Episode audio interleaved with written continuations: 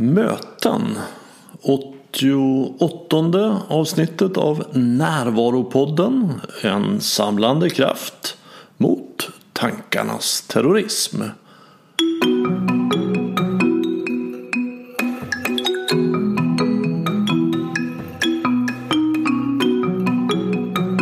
Det här är Bengt Renander. Först lite info om en föreläsning jag håller den 26 oktober vid 18.30.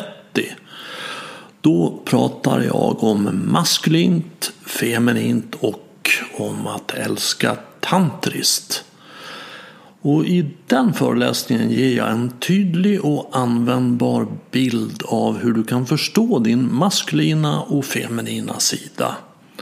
Jag berättar hur du kan använda den insikten till att skapa balans mellan görande och varande i ditt liv. Och inte minst till att skapa attraktion, passion och att älska tantriskt. Du kan delta live på plats här i Stockholm eller via Zoom. Mer information och länk till anmälan finns på min hemsida renander.nu under fliken föreläsningar. Det här avsnittet handlar om möten. Och jag har ett möte med Kattis Ahlström som arbetar som journalist och programledare och som nu är aktuell med boken Konsten att mötas. Vi pratar om att närvaro är mötets fundament och om hur stelt mötet blir om man är rädd. Om vad som kan hända i mellanrum. Om att uppleva varandra istället för att tänka om varandra. Om att det finns många olika sätt att mötas på. Om att vårt förhållande till ögonkontakt är dubbelt. Om man kan ha ett möte via sms. Om att möta den andra där hon är. Om skönheten i att mötas utan språk. Om att mötas med musik som röst. Om ett möte som ett konstverk vi skapar tillsammans. Om att bekräfta varandras mänsklighet i korta möten. Om att vara uppmärksam på vad man kan hjälpa andra med. Om att ett möte blir vad vi gör det till. Om vad vi gör med det faktum att vi är olika. Om att ha det goda samtalet eller använda våld. Och om att titta inåt och möta sig själv. Här är Kattis Ahlström.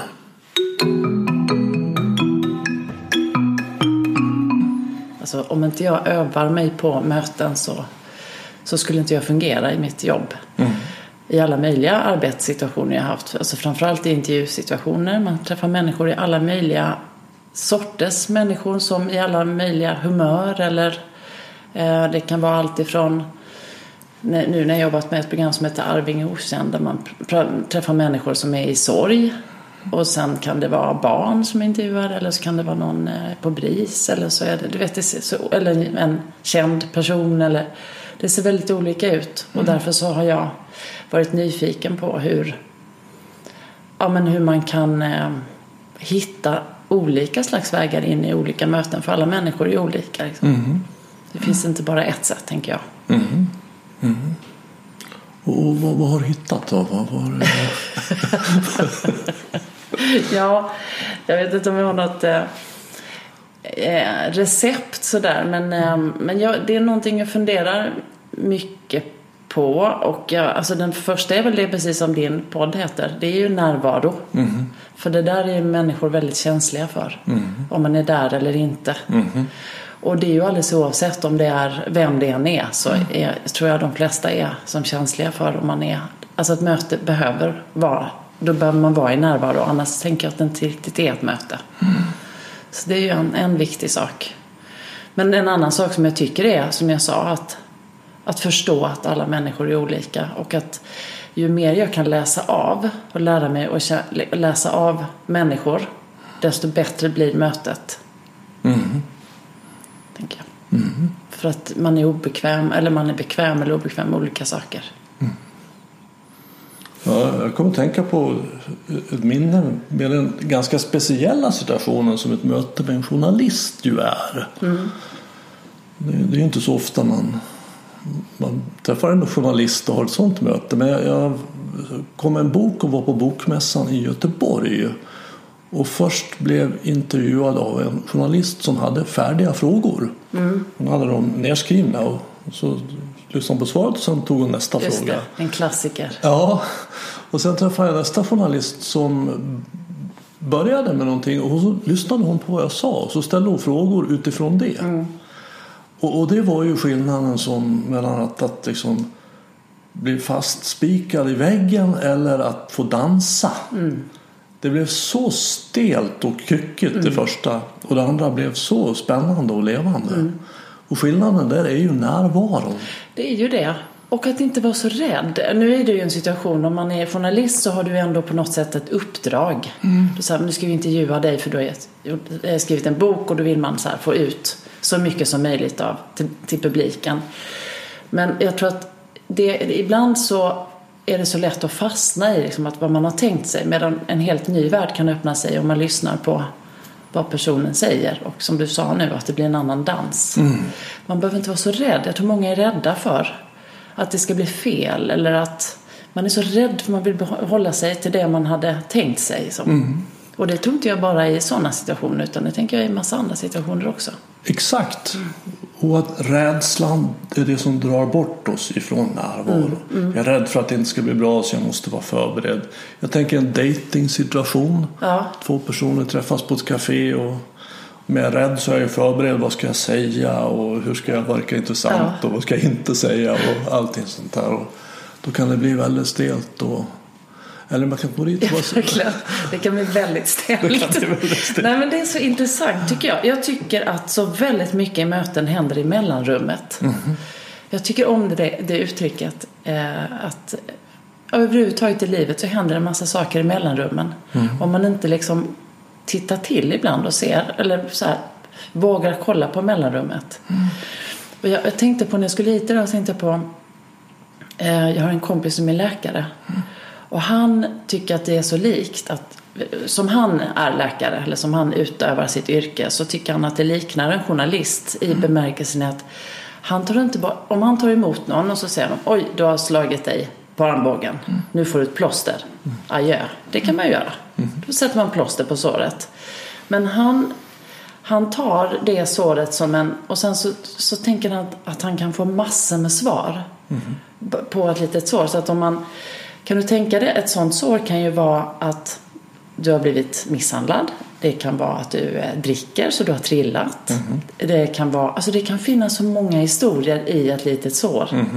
Så om du bara ställer de frågorna och, och letar dig fram liksom i de där... För det är också någon slags mellanrum liksom.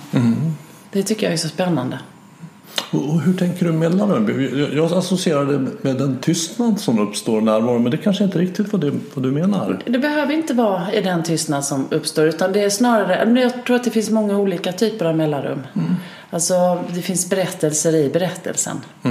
Ehm, och om du tittar på hel, precis som man kan titta på ett sår och sen så se, så kan det bli en, en kan du få massa svar på frågor via det där såret så kan det ju vara för hela människan. Jag, jag tycker att det är spännande. Vi har ju hela kroppen. Man rör sig på olika sätt. Man, eh, man eh, har blicken på olika sätt. Och om man försöker att, liksom ta in helheten så kan man inte... Och det är väl kanske som du säger någon slags tystnad.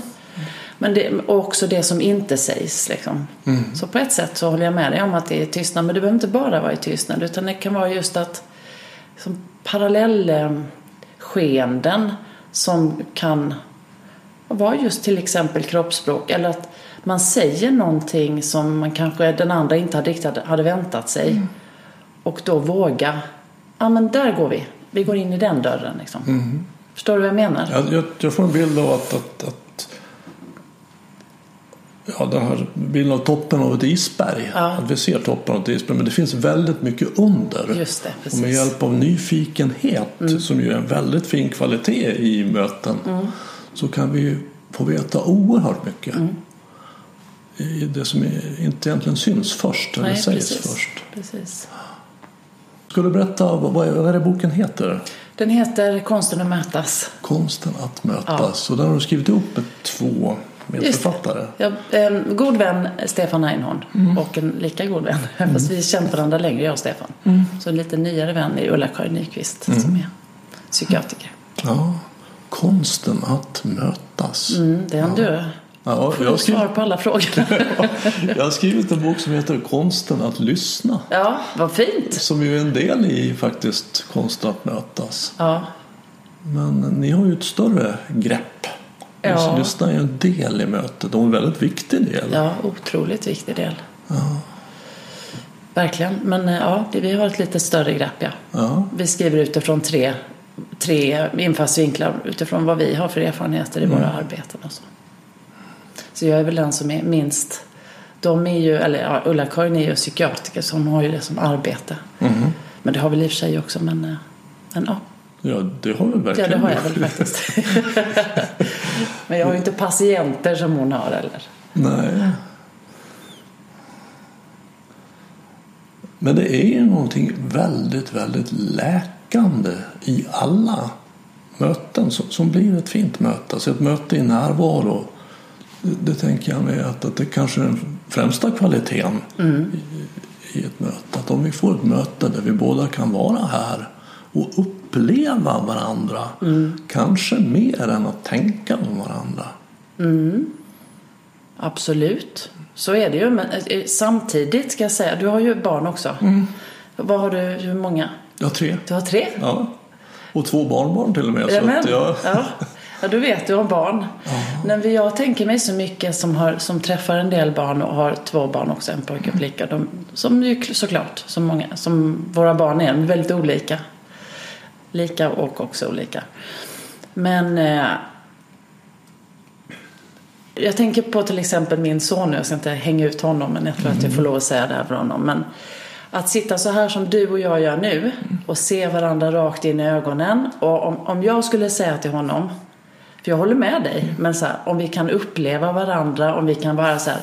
Han skulle få sån panik så han hade hoppat ut genom fönstret och aldrig kommit tillbaka. För- Förstår du? Alltså, eh, alla älskar inte att vara i en ett sånt här med man sitter, framförallt inte barn tror jag, som, ska, som sitter så här mitt emot varandra. Vi skriver det, jag skriver det i boken för jag tycker det är så viktigt att förstå att jag har en, upp, en uppfattning om möten. Jag vill till exempel väldigt gärna prata om allvarliga saker. Sen har man ju, precis som du säkert också har, man har många sidor. Jag kan också flamsa och tramsa och tycka att det är jätteviktigt. Men jag behöver både och ett och jag behöver ha de lite mer komplicerade samtalen som inte alltid har svar. Eh, men det är inte alla som vill det. Och det är inte alla som älskar det. Och det är inte alla som tycker om att sitta så här mitt emot varandra och prata på det här sättet över ett bord. Långt ifrån. Och jag tror att man ska vara lite försiktig. Jag, jag får jobba med att vara försiktig med att definiera vad som är ett fint möte. Därför att ett möte kan vara, det kan vara så himla mycket. Det behöver inte bara vara att man är i total närvaro eller delar saker. Utan möten kan få se ganska olika ut. Förstår du vad jag menar? Absolut, jag tänker mig att man kan stå bredvid varandra och måla ett staket. Ja, man kan till och med vara tysta. Ja, Ja, precis. oh ja och, och inte ens se varandra i ögonen. Eller, men, men det kan vara ett väldigt fint möte också. Ja. Och, och jag tror också att, att det här som, som vi gör nu, sätta oss ner och prata Mm. med ögonkontakt och mitt mot varandra, det är oerhört ovanligt. Mm. Alltså, jag tror att, att ha en ögonkontakt längre än ett par sekunder är mycket, mycket ovanligt. Ja, det är ovanligt. Det har vi inte på arbetsplatser eller med våra vänner. Nej, nej, det har vi inte. Och det kanske har blivit ännu värre eller sämre med det, tror jag. Det ser du ju på det är ju så tjatigt, upp, sönderpratat kanske, men man tittar på bussen eller tunnelbanan Mm. så, så tittar ju inte folk varandra i ögonen. Och Ulla-Karin i boken hon säger ju, eftersom hon jobbar mycket med självmordsbenägna och människor som, har, som eh, har, slitit i livet Mm. och som, som känner sig väldigt ensamma. Och det är obehaget att inte få ögonkontakt men vad det kan betyda att någon tittar en i ögonen eller bara ler eller säger hej kan ju rädda ett liv. liksom. Verkligen. Så jag tror att det är dubbelt för de allra flesta av oss. Att, att, att å ena sidan, så, och i synnerhet att vara i ögonkontakt i tystnad. Vi blir så nakna. Ja, enormt. Men är inte det mänskligt? Eller är det, Ja, är det, verkligen. ja. Jag, jag, jag tror att- att vi är ungefär som vi förhåller oss till den fysiska nakenheten. Ja. Att det är å ena sidan jätteläskigt, man är blyg, generad och vill inte vara det. Å andra sidan så härligt Ja. att få vara naken, intim tillsammans med någon. ja. Så det är dubbelt. Jo, det är verkligen dubbelt. Så att vi är rädda för det vi längtar efter. För jag tror det finns, och jag, jag, jag kan relatera verkligen till det du säger om din son där och, och kanske i synnerhet med sina föräldrar Ja. att sätta sig ner Ja, i en sån här situation.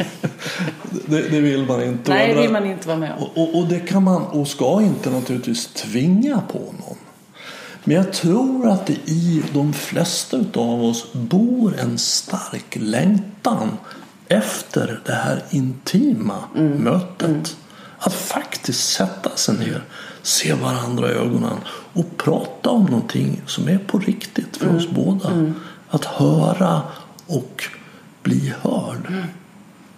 Absolut. Det är det viktigaste, tänker jag. Sen, sen hur man...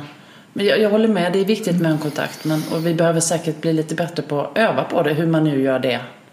Men jag tror att om vi hela tiden är, har möjlighet att titta ner i en mobil. Eller hela tiden har en liksom valmöjlighet att vända bort blicken.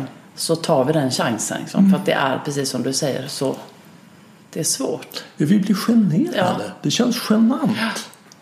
Men, men jag undrar om inte det jag erbjuder i mitt arbete som coach här. Alltså det som är lockelsen, för, i alla fall en stor del av lockelsen för människor att komma hit är att man får ett riktigt möte. För jag är här och lyssnar och är närvarande. Och, och jag har ögonkontakt. Men jag tvingar inga, så du behöver inte se mig i ögonen. Men det är mitt sätt för mig att visa att jag är här. För att det blir en väldig skillnad i att jag, när vi har ögonkontakt eller om jag nu som jag gör riktar bort blicken. Vi har samtalet fortfarande men jag, jag tittar nu ner i datorn här. Det är en väldig skillnad i din upplevelse. Om du skulle göra som du gjorde nu, ja. Titta Ja. bort så länge, ja. Ja, hela, om jag skulle sitta så här hela, hela vårt möte. Du, du skulle få en annan upplevelse. Fast jag tycker det är intressant för jag är relativt bra tror jag på ögonkontakt. Men jag har ganska stor hänsyn till andra människor. Mm. Du, kanske, du kanske tänker att du ändå vill in... Eh, att du liksom skapar den... Eller så att säga, du kanske tänker att jag gör så här, du får göra som du vill. Men jag vill titta dig i ögonen. Men jag är nog mer så här att jag försöker att ändå ta in den andra människan. För, för det finns ju ändå någon som kan bli ganska stressad av om någon sitter och tittar den rakt in i ögonen hela tiden. Det gör ju faktiskt du. Ni skulle bara veta. och det, jag blir inte så stressad av det, men jag kan förstå att man kan bli stressad av det. Därför att man också känner sig det här tycker jag är intressant för det är ju fortfarande ett möte. Jag brukar tänka väldigt mycket på att ett möte är också både före och efter. Och det är också, det, det finns så många saker som, som inbegrips i ett möte. Och det här som du, hur man sitter, det ju, betyder ju jättemycket. Eh, och det här med som du nu säger, ögonkontakt till exempel. Eller hur man liksom ser på varandra. Och då försöker jag nog kanske ändå ta in om vem det är jag träffar. För jag kan se på en person att, att man blir obekväm. Och då tänker jag att det tar ju lite energi från mötet. Och Förstår vad, vad gör du då? då? Ja, men kanske är lite mer försiktig med att titta blint in i ögonen. Kanske liksom någon gång, ja, men som, man, som vi ju de flesta gör, men som jag gör när vi pratar. Man tittar ju bort lite någon gång eller tittar upp eller så här. Man talar också med ögonen. Absolut. Och det finns ju väldigt många olika typer av blickar. Mm. Du sa tittar blint in i ögonen. Det låter ju väldigt obehagligt. Mm, Ja, det var inte det. För då Nej. ser man någon som sitter och stirrar ja, just, just det. Nej, det gör du ju verkligen inte. Nej, utan jag tänker så här att om man möter någon som har varma, nyfikna ögon så är det någonting som skapar trygghet. Vilket ju gör att då den här rädslan som drar mig därifrån minskar något. Det tror jag absolut du har rätt i. Det är ju klart att det är skillnad på blick och blick. ja. Så är det, eller läskigt att titta mig i ögonen? Nej, jag tycker inte det är läskigt alls. Men det är också väldigt mycket en vanesak har jag märkt. Jag är nu så otroligt van. Ja, jag tillbringar timmar varje Ja. dag med att titta folk i ögonen. Men det sticker ut. Det är Ja. inte vanligt det, Det är inte gör. vanligt. Det är inte vanligt. Det är mycket, mycket ovanligt. Det är väldigt Men får sällan. jag fråga dig, om, om du inte nämner detta, om du sitter, det kanske, du, det kanske är viktigt i dina samtal med dina klienter att du Ja. säger med ögonkontakt. Mm. Men om du inte skulle göra det, är det någon som säger oj vad du tittar mycket i ögonen? Mm, Det har absolut hänt. Mm. Det har hänt flera gånger. Då, då säger jag det som jag berättade för dig. Att det, det är mitt sätt att, att vara väldigt visa att jag är här Mm. för dig, med dig nu. Men jag säger också du behöver inte titta mig i ögonen. Nej. Mm. Utan det gör du precis som du vill. Du, du, det, det, är ingen stirrtävling. Den ska vinna. Jag, jag märker att det finns de som har uppfattat det som så och kommer hit och tänker Just att det, nu idag ska- ska jag Bengt, nu ska jag spöa Just honom. det. Den så arga leken. Ja, precis. Så, så ögonkontakt är ju en väldigt viktig del i mötet. Det, det, det är det. Och, och, men också friheten att inte ha det. För att, att ju mer vi kan, kan skapa en känsla av trygghet. Och trygghet kommer ju av att, att jag får vara som jag är. Ja, och då är, finns det ju de som inte vill titta i ögonen. Ja, och, och då är det helt okej. Ja, precis. Så finns det de som vill det. Ja. Och då är det okej. Ja. ja. Precis. Men det, det innebär ju också att möt, skulle du säga att man kan ha ett möte via sms? Eh, ja, det kan man ju uppenbarligen. Ja, Ja. man kan skicka sms till varandra, det kan man göra. Ja. Men skulle man kalla det för ett möte? Ehm, Ja, det är ju ett möte. Ja. Sen om vi tycker att kvaliteten på det mötet är inte så bra kanske alltid, så är det fortfarande ett möte.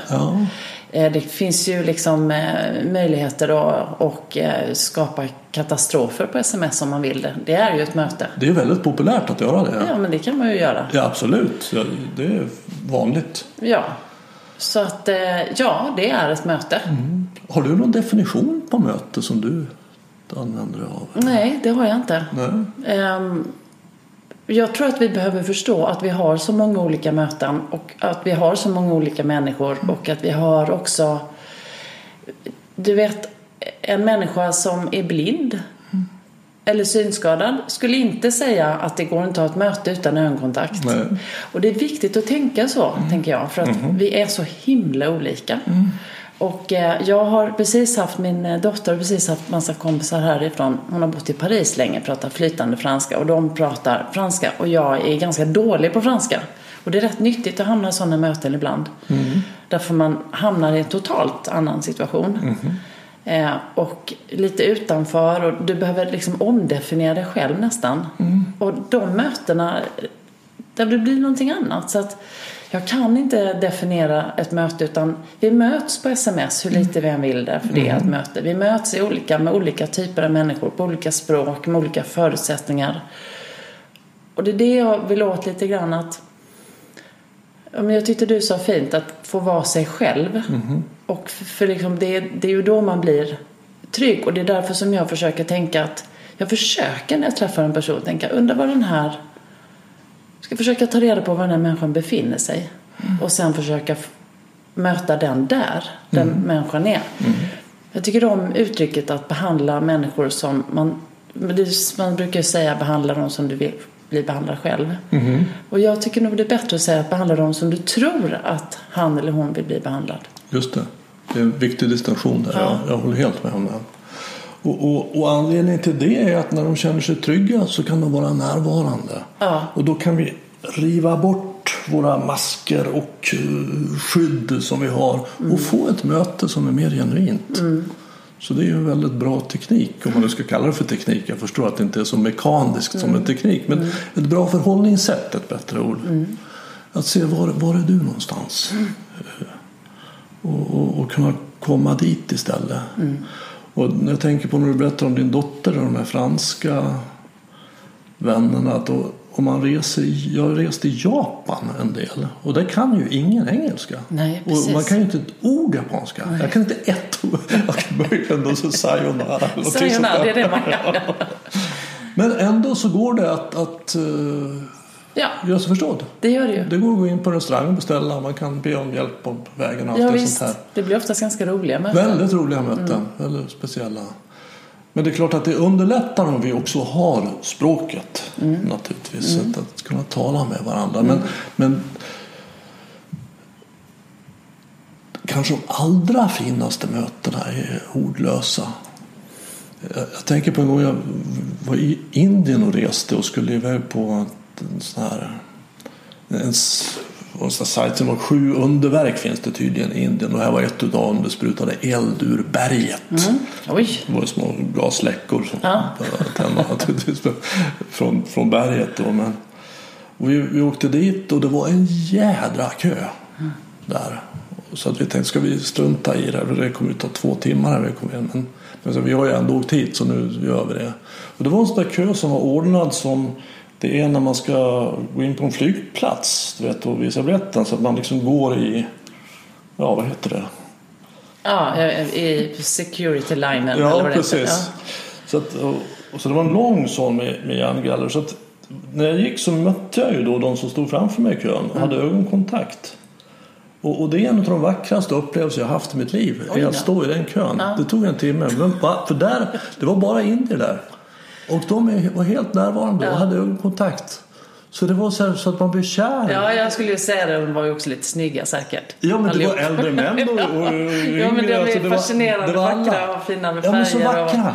och eh, fina kläder Absolut. och de har sån hållning. Och, ja. Absolut, men, men det vackra var framför allt i det inre. Mm. Det var i, i det möte som fanns där, i den ögonkontakten, Mm. så fanns det en djup känsla av förening och kärlek skulle jag säga. Jag, jag menar det på riktigt. Inte förälskelse och romantisk Mm. Jag förstår, kärlek, jag men en förstår. kärlek.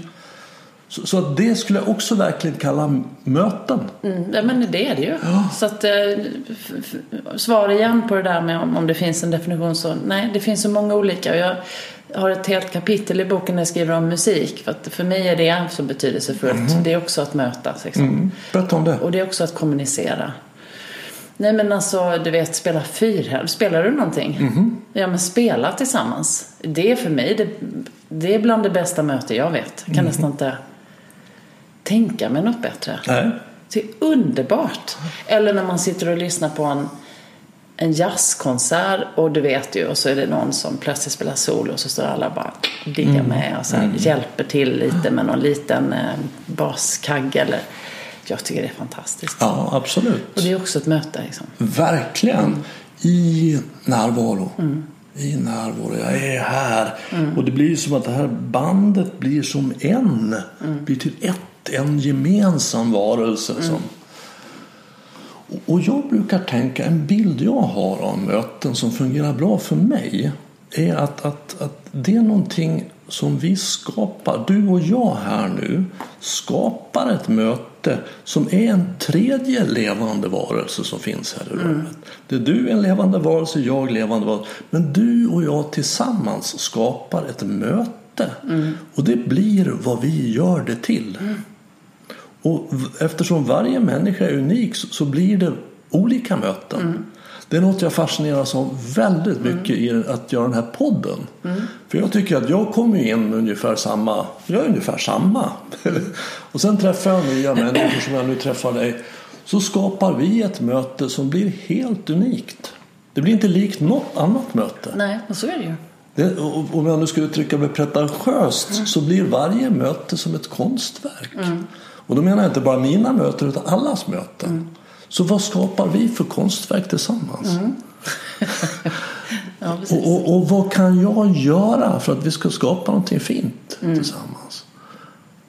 Det, det tycker jag är intressanta frågor. Och, och, och, där är vad, vad, det jag kommer fram till är ändå att det jag allra mest kan bidra med är min närvaro.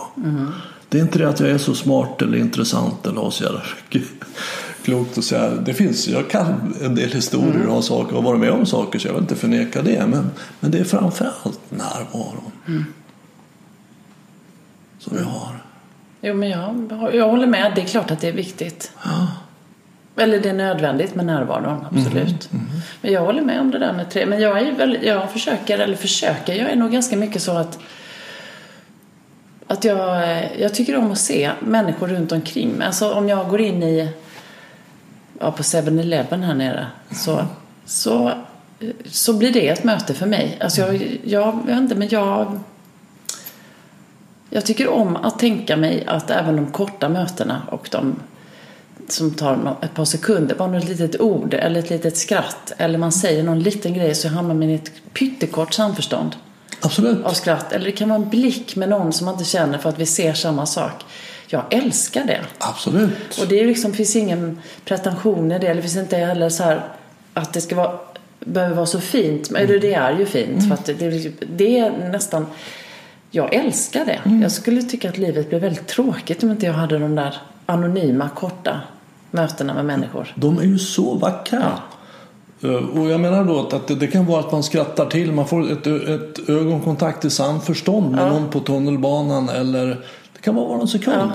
Men, men där kan vi bekräfta varandras mänsklighet på något Ja sätt. men verkligen. Och det tror jag vi skulle behöva bli lite modigare på. Verkligen. Och att inte liksom tänka att om någon, jag säger någonting så tror folk att jag är galen eller byter vagn. Eller, men du vet, jag tror att vi behöver bli, och det är ju att lyfta blicken. Att se, annars så ser vi ju inte vad som händer. Det händer ju knasiga och roliga och konstiga saker hela tiden som man kan uppmärksamma. Där människor finns Ja, så händer det. ja men det gör ju det.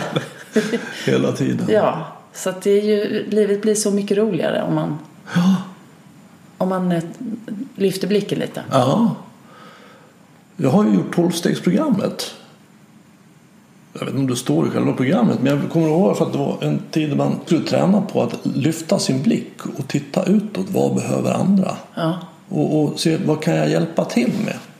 Så att när man är ute och går på stan så ser man om det står någon med barnvagn och ska in i någon affär och har svårt med dörren så går man fram och säger du, här. just det. Och det är en form av möten som blir väldigt vackert. Ja, Så det har jag fortsatt med. ja. vad bra. Men det Ja. var en övning ni fick göra Det alltså? var en övning man gjorde. Men, men det är så fantastiskt att gå fram och fråga, kan jag hjälpa er? några som står med en karta? Gjorde det så sent som igår kväll. Så, uh, can I help you? Ja. No thank you, we're fine. Ja. Men det blir ett möte där på någon sekund. De blir glada, jag blir glad. Jag tror att det är jätteviktigt. Verkligen. Det det är, det är sån... eh, Det, det betyder så mycket. Det här liksom, att det blir ett större, att vi bildar någon slags spindelnät tillsammans. Liksom. Du sa att när man sitter två så blir det tredje möte. Men jag tänker mig också det här samförståndet eller vi liksom krokar i varandra. Verkligen. I de där små mötena tycker jag är så oerhört viktiga. Ja, det bekräftar, vi bekräftar varandras mänsklighet Mm, på något sätt. Vi, vi hittar till det där vi hör ihop alla. Ja, precis. där vi hör samman. Och jag tänker mig också att den här levande varelsen som är osynlig då, men eh, högst eh, reell ändå. För att möten är väldigt viktiga för oss. Mm. Det är så jobbigt när man har problem i en relation till exempel. För att, att det, det händer någonting där. Man kan ju förmörka hela dagen. Mm. Man har haft ett gräl på morgonen. Det har hänt någonting i mötet där. Och det här händer också på gruppnivå. Alltså när jag jobbar med grupper så brukar vi sitta i en cirkel. Jag brukar säga det att, att min uppgift här är att hålla i mötet. Så jag skickar ut nästan som en Salvador Dalí-hand ut i mitten och där håller jag i mötet. Och det finns här som en levande varelse och det blir vad vi gör det till. Och ju mer vi ger in i mötet desto mer kommer det att växa. Och vad är det vi har att ge av? Jo, oss själva. Och vad är det? Vår närvaro. Och, och sen jag tror att man kan förknippa med närvaron att det ska vara så fint. Men, men då har vi ju hamnat i en prestation där, att det ska vara så fint allting. Utan det behöver inte alls vara så fint. Det kan vara flamsigt och jag, jag älskar också att flamsa. Jag tycker det är ett, ett toppenmöte. Ja, och också precis. Jag intervjuade någon för inte så länge sedan, Livia Orwitz, jag tror hon är psykolog, som sa så bra tycker jag. För vi pratade om att det är många som har varit isolerade nu under pandemin. Och att det är ju ja, väldigt många möten som har uteblivit eller som inte har liksom, kunnat ske. Ju väldigt sorgligt för många ensamma. Inte minst. Men då pratade vi om det här med att eh, behovet av att prata om de stora frågorna eller de livsviktiga frågorna eller prata om döden eller vad det nu kan vara för någonting. Och då sa hon att vi får inte glömma bort att alla har inte det behovet. Det var lite det jag var inne på förut. Och precis som du sa att det är nästan så jag kan, vår boktitel så här, Konsten att mötas, det är många som bara den kommer jag inte läsa. För det låter så. Du förstår ju, så pretentiöst och det låter så här, åh vi ska sitta ner här nu så ska vi mötas. Eh, så att det finns, det är så lätt att tro att bara möten möten är just då, det är så pretentiöst, eller så fint. Det behöver inte vara, ja fint kan det vara, men ett möte kan ju också vara jättesvårt. Men man, man, man har det ändå, eller det, det kan vara kanske inte ett gräl, men att man tycker väldigt olika om någonting. Och det är ju så viktigt att lära sig att mötas på det sättet också. Mötas i någon form av konflikt. Verkligen. Och, och hantera konflikten med hjälp av samtal istället för våld. Just det, för precis. det är bara de två alternativen vi har. Ja. Det finns inget tredje. Nej, och det du, det skulle du ju ut i skolorna. Nu pratar de ju om eh, skjutningar och om, Verkligen. om vad ska vi göra i skolan och hur ska vi förebygga. Och då det kliar i fingrarna på mig för att jag tror att det är där vi måste börja. Vi måste kunna sitta ner trots att man är totalt olika eller ser helt olika på världen. Och börja ett samtal i alla fall. Mm, absolut. Annars kollapsar ju världen. Absolut. Och, och- det gäller ju i, i, i det lilla, alltså om vi bara tar en parrelation. Alltså vad gör vi med det faktum att vi är olika? Hur ska vi hantera det, du och jag? Och, och vi har de två alternativen, vi har samtal eller våld. Och eftersom vi är så dåligt utbildade på att ha samtal, som vi kan säga är att mötas, så tar vi till våld för det. Alltså det är ju väldigt få som har haft några relationsexperter till föräldrar. Jag hade inte det och jag vet inte hur det var för dig. Men Nej, jag hade en psykolog till mamma, men det behöver inte innebära att det... det behöver inte innebära att man är relationsexpert. Nej. Men att, att då kunna ha det verktyget. Att gå till mötet, gå till Ja. samtalet och få lära sig det. Ja, men du, alltså. Det skulle göra som skillnad. Verkligen. Och jag tänker också liksom före... Jag blir också, när jag tittar på våra politiker, eller nu, ja nu är det snart, nu är det valtid igen och blir helt... eh, Jag, blir helt mörkrädd när jag ser deras kommunikation. Eh, och liksom mötet i... Ja, deras möten och deras sätt att kommunicera. Och, och vad är det du ser? Berätta. Nej, men jag ser att polemiken är liksom en del i hela retoriken. Och att eh, det är... Det kan inte vara en väg framåt. Nej. Alltså det är väl klart att man måste divers, alltså det, men de tycker olika och det ska vara tydligt för väljarna vad de tycker. Men sen är det samtalet dem emellan. Eh, någon form av, av liksom, ja, ett möte eller ett samtal där med, med respekt. Eller att man någon gång kan säga att det där måste jag faktiskt, det har jag tänkt på väldigt många gånger när jag intervjuat också och det i mer, i mer nyhetssammanhang. Att eh, alla är så tränade nu och svarar rätt och är jätterädda för att gå i diket. Men vilken respekt man får, alldeles oavsett om det är någon politiker eller vem det än är. Till, jag tycker man får sån otrolig respekt för någon som säger det måste jag få fundera på. Eller du, det där har du faktiskt rätt i. För det händer ju inte. Jag, jag skulle älska en politiker i en diskussion eller i en paneldiskussion som skulle kunna tycka jätteolika om någonting men som ändå bara det där varför har du faktiskt en poäng. Alltså det, den personen skulle ju vinna så mycket respekt då. Tror du inte? Absolut. Att, att vara mänsklig. Och jag tänker mig att alla olika styrelseskick är ju ett en typ av svar på frågan vad gör vi med det faktum att vi är olika? Hur ska vi som är olika i det här landet kunna leva tillsammans? Mm. Ja, vi kan ha en som bestämmer allt. Det är mm. ett sätt att hantera det. Och i demokratins grund så ligger det att, att vi hanterar det med hjälp av samtalet. Mm. Det, det, vi pratar om det. Mm. Och sen så ser vi och vi kommer fram till något som de flesta kan vara nöjda med. Och om vi då säger att vi ska inte prata. Mm. Precis. Men vi tränar ju inte på det. Nej. Det borde ju vara ett ämne i skolan. Ja, absolut. Och, och, och, det är ju det, när jag jobbar med par, det är det jag lär ut. Mm. Jag, jag, jobbar inte med parterapi utan det är att, att vara närvarande, att lyssna, mm. att förstå och att samarbeta. Mm. Det är steg, första gången, det är väldigt strukturerat, väldigt stegvis.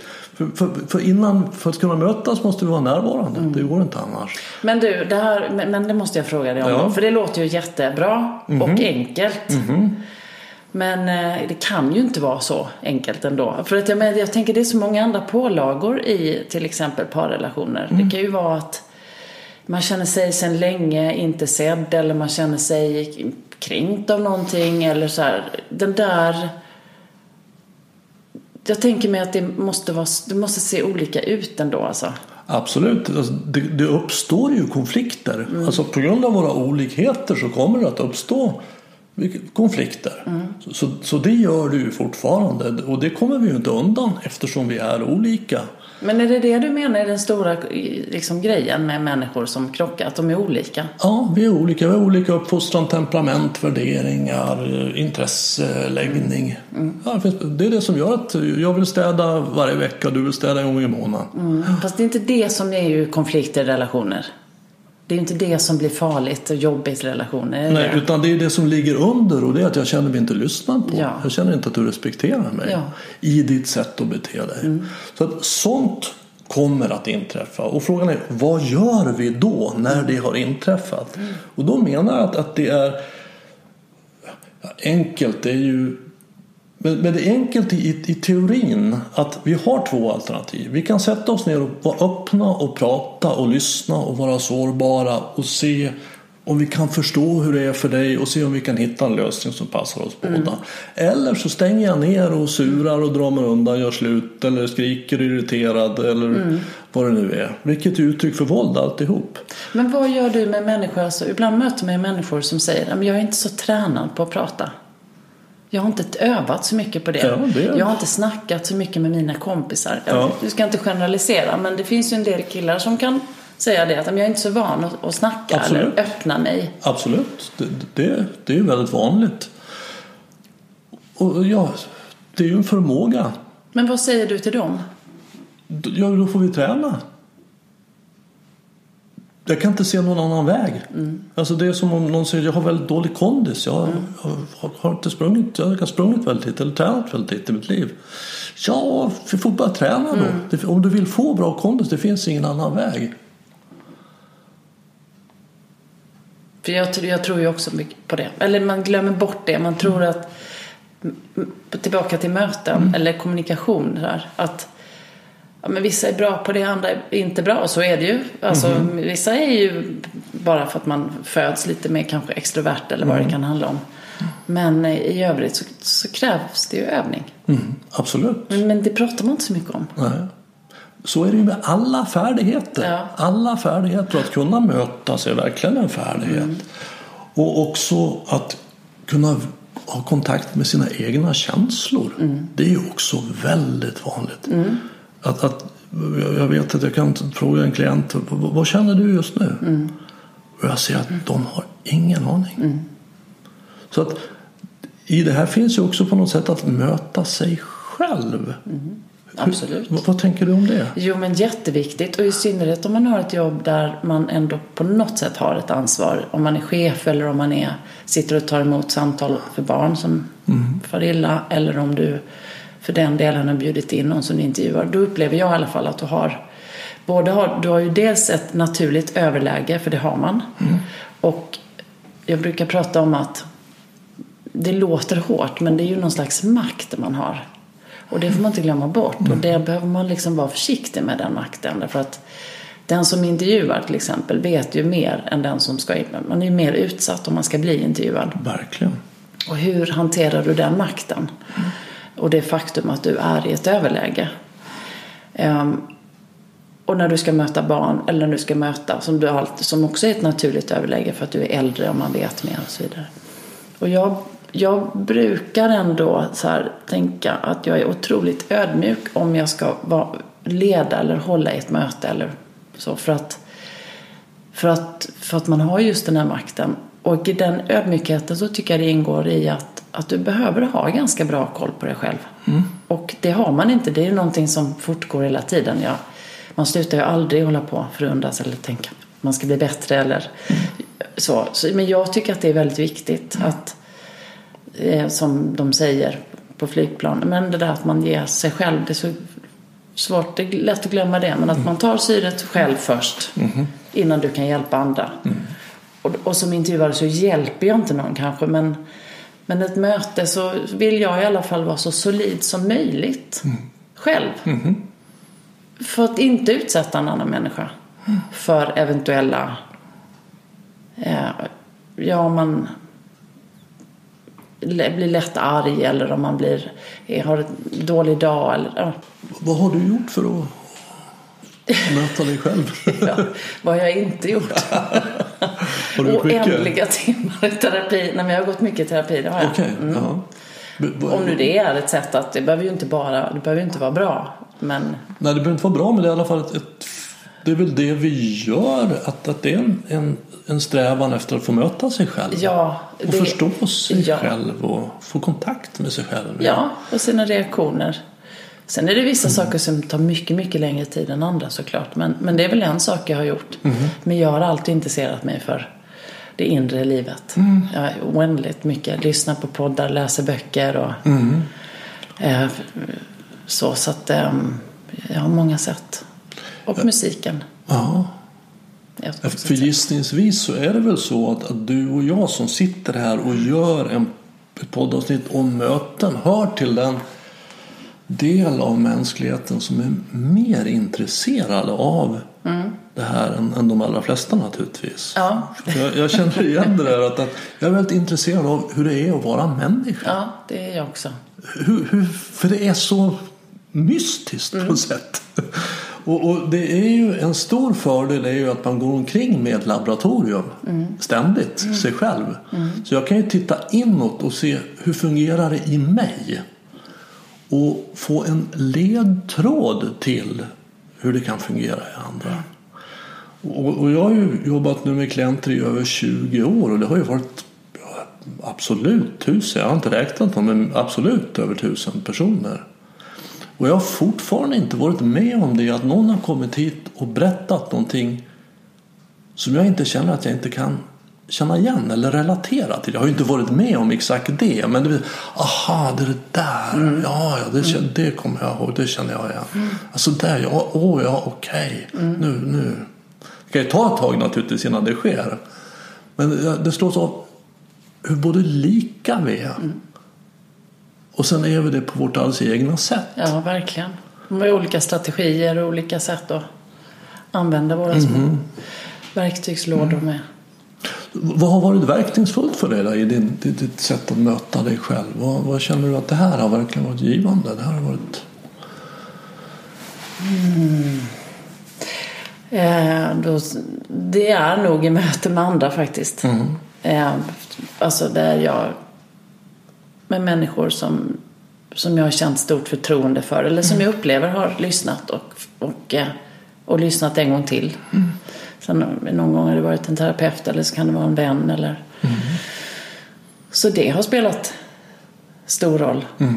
Eh, möten med kloka, kloka andra liksom. Men, eh, men sen så ehm, så är det väl så. Jag har lite rastlös natur. Eh, och de gånger som jag kan komma ur den rastlösheten, om det så är med naturen eller om det är, jag berättade för dig innan vi satte på mikrofonen här att jag varit på sån här yin, jag såg att du hade en bok här, en yin-yoga. Eh, och att vara kvar i det som var rätt utmanande för mig. Det är också jätteviktigt och helt nya tankar och helt nya upplevelser. Um, rida har jag gjort en del sista. Det är också så här, jag har börjat måla lite. Är otroligt viktigt för mig i den koncentration och fokus och ska ingenstans. Och jag börjar, liksom bara för mig att, att tänka att jag får sitta där för att det kan lättare med, här kan inte jag sitta och måla. Jag måste göra det och det och det och det. Det betyder mycket för mig. Sådana små övningar betyder något för mig. Rastlöshet är någonting som jag tror är, för många av oss är någonting som vi behöver som finns där. Man ska hela tiden vidare till mm. någonting annat och där är ju en smartphone ett fantastiskt verktyg mm. för den rastlösa. Mm. Mediterar du någonting? Ja. ja. Har du varit på det här vid passarna, tio dagars? Nej. Det, det var ju en intressant upplevelse i just det med rastlöshet. För då mediterar man, jag tror det är 11 timmar om dagen. Oj, var är detta någonstans? Det är Ödeshög. 11 timmar om dagen? 11 timmar om dagen i 10 dagar. Men vad får man inte äta? jo, man får, får någon liten lunch och lite, man får inte så mycket att äta. Nej, men alltså, men du mediterar och sen äter du och sen mediterar du igen lite? Ja, ja. Jag började om det var fem på morgonen och håller på till ja, tio på kvällen någonting sånt. Ja, de siffrorna inte, men något sånt. Och sen är man tyst? Eh... Tyst hela tiden. Inte kontakt med någon, ingen sociala medier, inga tidningar, ingen radio, ingen tv. Inte prata med någon. Och vad hände då? Ja, vad, man framför, vad jag i alla fall framför allt fick möta det var ju hur det är att vara att ha otroligt tråkigt. Mm. Alltså, det blir, alltså när man sitter tredje dagen och ska fokusera på hur det känns i håren i näsan när luften går in och ut. Ja, det är så tråkigt så man kan ju bara och märka då vad som händer i sinnet. Vilka fantasier och tankar och grejer som jag höra. Men det är så, så, tråkigt är det och jobbigt är det. Men också väldigt nyttigt i det här. Mm. Att titta inåt och möta vad som finns där. Men gjorde du det? det gjorde du? Jag har gjort det, absolut. Den i Ödeshög? Ja. Men just där, var det så att du bara mötte någonting nytt? Ja, nytt vet jag inte. För det jag mötte har ju alltid funnits där. Ja. Men det är något jag inte riktigt har, har upplevt på samma sätt tidigare. Eftersom det här är någonting väldigt extremt. Mm. Det är någonting man aldrig gör. Sätter sig ner 11 timmar om dagen tyst, inte pratar med någon. Mm. Jag kommer ihåg min mamma, hon, hon reagerade. Ska du inte prata med någon? Nej. Det tyckte hon var det värsta, att sitta 11 timmar. Exakt. Ser, ja. man är olika. Precis, men, men och, och, att titta inåt, egentligen med, med det här nyfikna vittnesblick. Vad händer i mig? Ja. Men har du kunnat, fanns det kvar sen när, det, när du kom därifrån? Var det lättare att få fatt i den där? Ja, alltså jag tycker att, att, att det, har, det var värdefullt för jag fick det är som att gå in i ett hus. Och man, man bor i ett hus men man har rum man aldrig går in i. Mm. För att man tycker att det är för tråkigt i de där ja, rummen. Men så går man in i de där rummen och undersöker dem och är där. Och man får lite veta lite mer om det ja. huset man bor i. Intressant. Och, och, den kunskapen tycker jag finns kvar. Mm. Och se då att, att liksom känslor av rastlöshet, att ha tråkigt och känna sig ensam. Mm. Det var för mig, det är nog för mig de svåraste att härbärgera. Mm. Vilket ju gör att man hittar på en massa grejer mm. för att slippa känna mm. det här. Mm. Så man är på flykt ifrån sitt eget känsloliv. Mm. Och där har vi då alkohol och mat och socker och träning. Det finns en jädra massa grejer vi gör för att slippa vara med den vi är. Mm. Mm. Men att kunna möta den och kunna vara med den. Mm. Skapa en form av stillhet, lugn, frid. Absolut. Jag skulle fokusera lite på skrivande så jag lånade en liten stuga här för i mars, mitt i tråkiga, alltså inte så kul att vara i, på Österlen. Det är mysigt där men kanske inte i mars riktigt var väldigt dött och ensamt. Och det var faktiskt ganska... Jag kommer ihåg när jag liksom svängde in där och kände oj, just det, jag glömt bort att jag skulle vara ensam här. Mm. Och så vet jag första gången på... Jag bara så här, ja, det blir väl trevligt liksom. Mm. Det är ju ändå jag, alltså. Det blir väl ändå rätt okej. Okay. Ja. Men det var också intressant tid att eh, ha det där ensamtiden där. Ja. Hur var det då? När du åkte därifrån? Hur, hur, vad, vad kände du då? Vad hade, Ja, men jag det tyckte nog att jag... Eh, jag vet inte om jag har liksom, kanske träffat eller gått in i ett nytt... Jo, lite kanske ett nytt rum då som du Mm. beskriver. Att så här kan man också... Där kan man, så här kan man också... Det här kan man vara i liksom. Mm. Jag blir mer medveten om att just det, jag släpar ju runt på en... Jag är ju i den här relationen hela tiden. Mm. Eh, Gud. Eh, Det kan ju vara jobbigt också. Men, men det är ju ändå den som man hänger runt med varje dag. Det kan vara Verkligen. bra att tycka att det är rätt okej ändå. Jag har aldrig tyckt att det är speciellt jobbigt att vara ensam. Nej. Eller jag har aldrig liksom haft eh, problem med att... Liksom... Men det är ju lätt att säga om man inte är ensam ensam. Men jag har inte varit... Man har ett val. Jag har ett val, ja precis. Men, eh, men under lång tid och, och lite i mörker där i mars och så, här, så är det klart det är lite speciellt. Ja. Och få möta det där som man flyr ifrån. Och se att det går bra det också. Och upptäcka att, att faktiskt det finns en sån enorm rikedom där inne. Jag tänker på, kommer att tänka på en historia som jag, jag tycker är fin. Som handlar om en, en kvinna som bor i ett skjul. Och runt om så har de folk som bor i slott.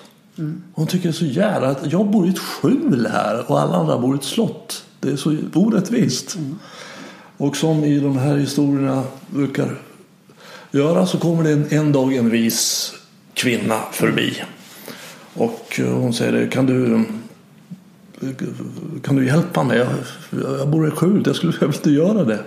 Ja, okej, ja, jag förstår, så den här visa kvinnan. Hon, den här dörren här, vad leder den? Va? Finns det en dörr där? Ja, det, det är en dörr här. Här har jag bott i så år, jag har aldrig sett den där dörren. Nej, men ska vi gå in? Ja. Då går de in och där finns det ett stort rum. Wow, jag har ingen aning om. Nej. Och, och den här dörren, vad, vad, vad, vad leder? Vad, en till dörr? Ja, så, gå in, så, så visade det sig att hon bodde i ett slott. Hon trodde hon bodde i ett skjul. Den är fin. Det är en bra liknelse. Ja, det är det. För vi tror att det är så dåligt det vi har. Och att andra har det så mycket bättre. Men vi har allt det där som vi tror att andra har. Har vi redan, men vi har inte gått in där, inte mött det. Så att möta sig själv är en viktig del. Jag har tänkt på det många gånger. jag- Nu har jag ju snart gjort hundra avsnitt av den här podden. Och Grattis. och, ja, tack. Och det är ju uteslutande med människor som har tittat mycket inåt. Som i sitt arbete, de jobbar ju med andra människor på något sätt. Så de, de, och och där, där hittat sig själv eller vad man nu ska kalla det. Jag brukar tänka på det när jag öppnar dörren här, och ringer på dörren, så ser jag in i ögonen på den människan som står utanför. Så det är nästan alltid så att jag känner en form av kontakt. Det känner man ju direkt. Ja, man känner det direkt. Att, och det tror jag har att göra med att, att, att vi möts, att vi har också mött oss själva först. Det finns något, så att, jag, så att jag vet vem jag är som öppnar. Precis. Det är ingenting jag tänker på medvetet utan det är en upplevelse jag får. Och det är möten som jag inte hade innan jag började själv titta inåt och lära känna mig själv. Nej, men det kan ju också bli lite... Jag ska inte säga att jag är klar med det, men det är väl någonting man håller på med hela tiden. Absolut, det är ju en färdighet så det blir man liksom inte riktigt klar Nej, det blir med. man inte klar med. Ehm, jag diskuterade faktiskt det med en kompis häromdagen. Och det kan ju också göra att man blir lite ensam ibland. Därför att man behöver ju ändå förstå att det är väldigt många som inte gör så. Det är väldigt många människor som inte har lagt ner tid på det eller varit intresserade av det på samma sätt. Och då, förstår du vad jag menar? Att det kan bli lite ensamt i det. Absolut. För man kan ju inte räkna med att alla människor är på samma ja, medvetandenivå eller ja, Ja, eller närvaronivå Närvaronivå. ska man kanske kalla det. Jag kallar det. Och det är absolut en upplevelse som jag också förbereder mina klienter på. Att om du, man nu kallar det vaknar upp. Och det, är, det är ju att vakna upp till nuet, till verkligheten. Så det är inte det att man blir får någon religiös uppenbarelse eller någonting. Utan att komma hit. Så, kommer det att, så kommer det bli väldigt uppenbart hur få det är som är närvarande. Och det kommer att skapa en känsla av ensamhet. Och, men en, också en djup känsla av gemenskap när du träffar någon annan. Absolut. Men, men det är också så att det finns, det, det, är en point of no return. Det finns ingen väg tillbaks sen. Nej, det gör det ju när inte. Du väl har nej, nej, då har man ju klivit in i det där. Och det finns heller ingen längtan tillbaks. Jag har ingen längtan Nej, tillbaks. jag till kan inte ha någon, jag har ingen sån där när jag klev över utan jag tror att Nej. jag har, jag har inte känt en sån det, det har nog inte jag heller. förlösning liksom så. Och, och jag kan nog så se att jag åker fram. Jag tycker det här med att vakna upp är ett bra uttryck därför att det visar att man kan somna in igen. Mm. Så jag, jag håller på att vakna upp och somna in på daglig basis Mm. tycker jag. Att, men för varje år som går så känner jag att jag är kanske lite mer vaken. Mm. Och idag tror jag nog, jag vet inte säkert, men att, att jag huvuddelen, jag är mer vaken än vad jag är insomnad i mina Mm. tankar. Det är bra. Ja, det, det, känns som en milstolpe. Men jag är också varje dag i dramat och tror på några tankar och oroar mig. Håller på. Jädrar vad det håller på. Mm, det håller på du. Ja, det håller på. Det gör det. Men, men det är ju så fantastiskt att ha möjligheten att kunna stiga ur och se att, att, att det inte är verklighet. Det är bara bullshit faktiskt. Det är bara mentala händelser i sinnet som håller på. Jag är människa, så här är det att vara människa. Det håller på. Men jag behöver inte ta det på allvar. Jag kan rikta blicken hit istället och se vad händer här nu. Och här sitter du. Spännande grejer. Ja, verkligen. Boken heter ju Konsten att mötas. Ja. Vad, vad är konsten att mötas? Vad, vad kommer ni fram till när. Jag vet inte om vi egentligen kommer fram så mycket till, utan vi, jag tror att vi har velat inte skriva någon på näsan. Vi har inte velat komma med pekpinnar eller med quick fix grejer utan snarare rätt så personliga berättelser om, som vi har lärt oss av. Liksom. För att verkligen visa på de här olika infallsvinklarna på vad ett möte är. Men, men det är väl klart att, och det kan man ju tjata ihjäl sig om, men så är det ju. Du har pratat om närvaro och lyssnande och alltså det är väl det, alltså det finns ju vissa saker som alltid kommer igen när det gäller möten. Och konsten att mötas, ja jag tror vi har, alla tre har lite olika definition på det, men jag tror vi är ganska eniga om att ge av sin tid, liksom. Att ge en människa av sin tid, det är liksom ovärderligt. Och det är någonting som många människor saknar idag. Och kan man liksom vara en sån som ger någon ens tid så är det, jag tror att vi, eh, ja, då gör vi världen lite bättre.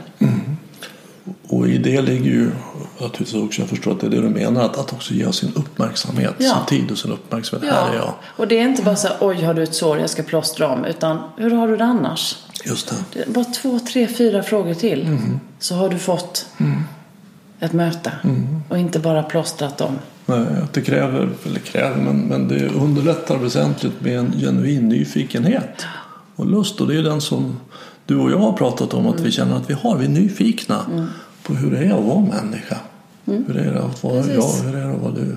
Hur är det att leva här under det här korta jordelivet? Det håller vi på att rota runt i. Ja, det här jo, det finns inget slut. Vi kommer Ja, aldrig komma hitta. Men det är resan som gör, det är inte målet utan resan som gör det värt. Precis. Ja. Vi fortsätter att leta. Ja, det gör vi. Tack. Tack så mycket.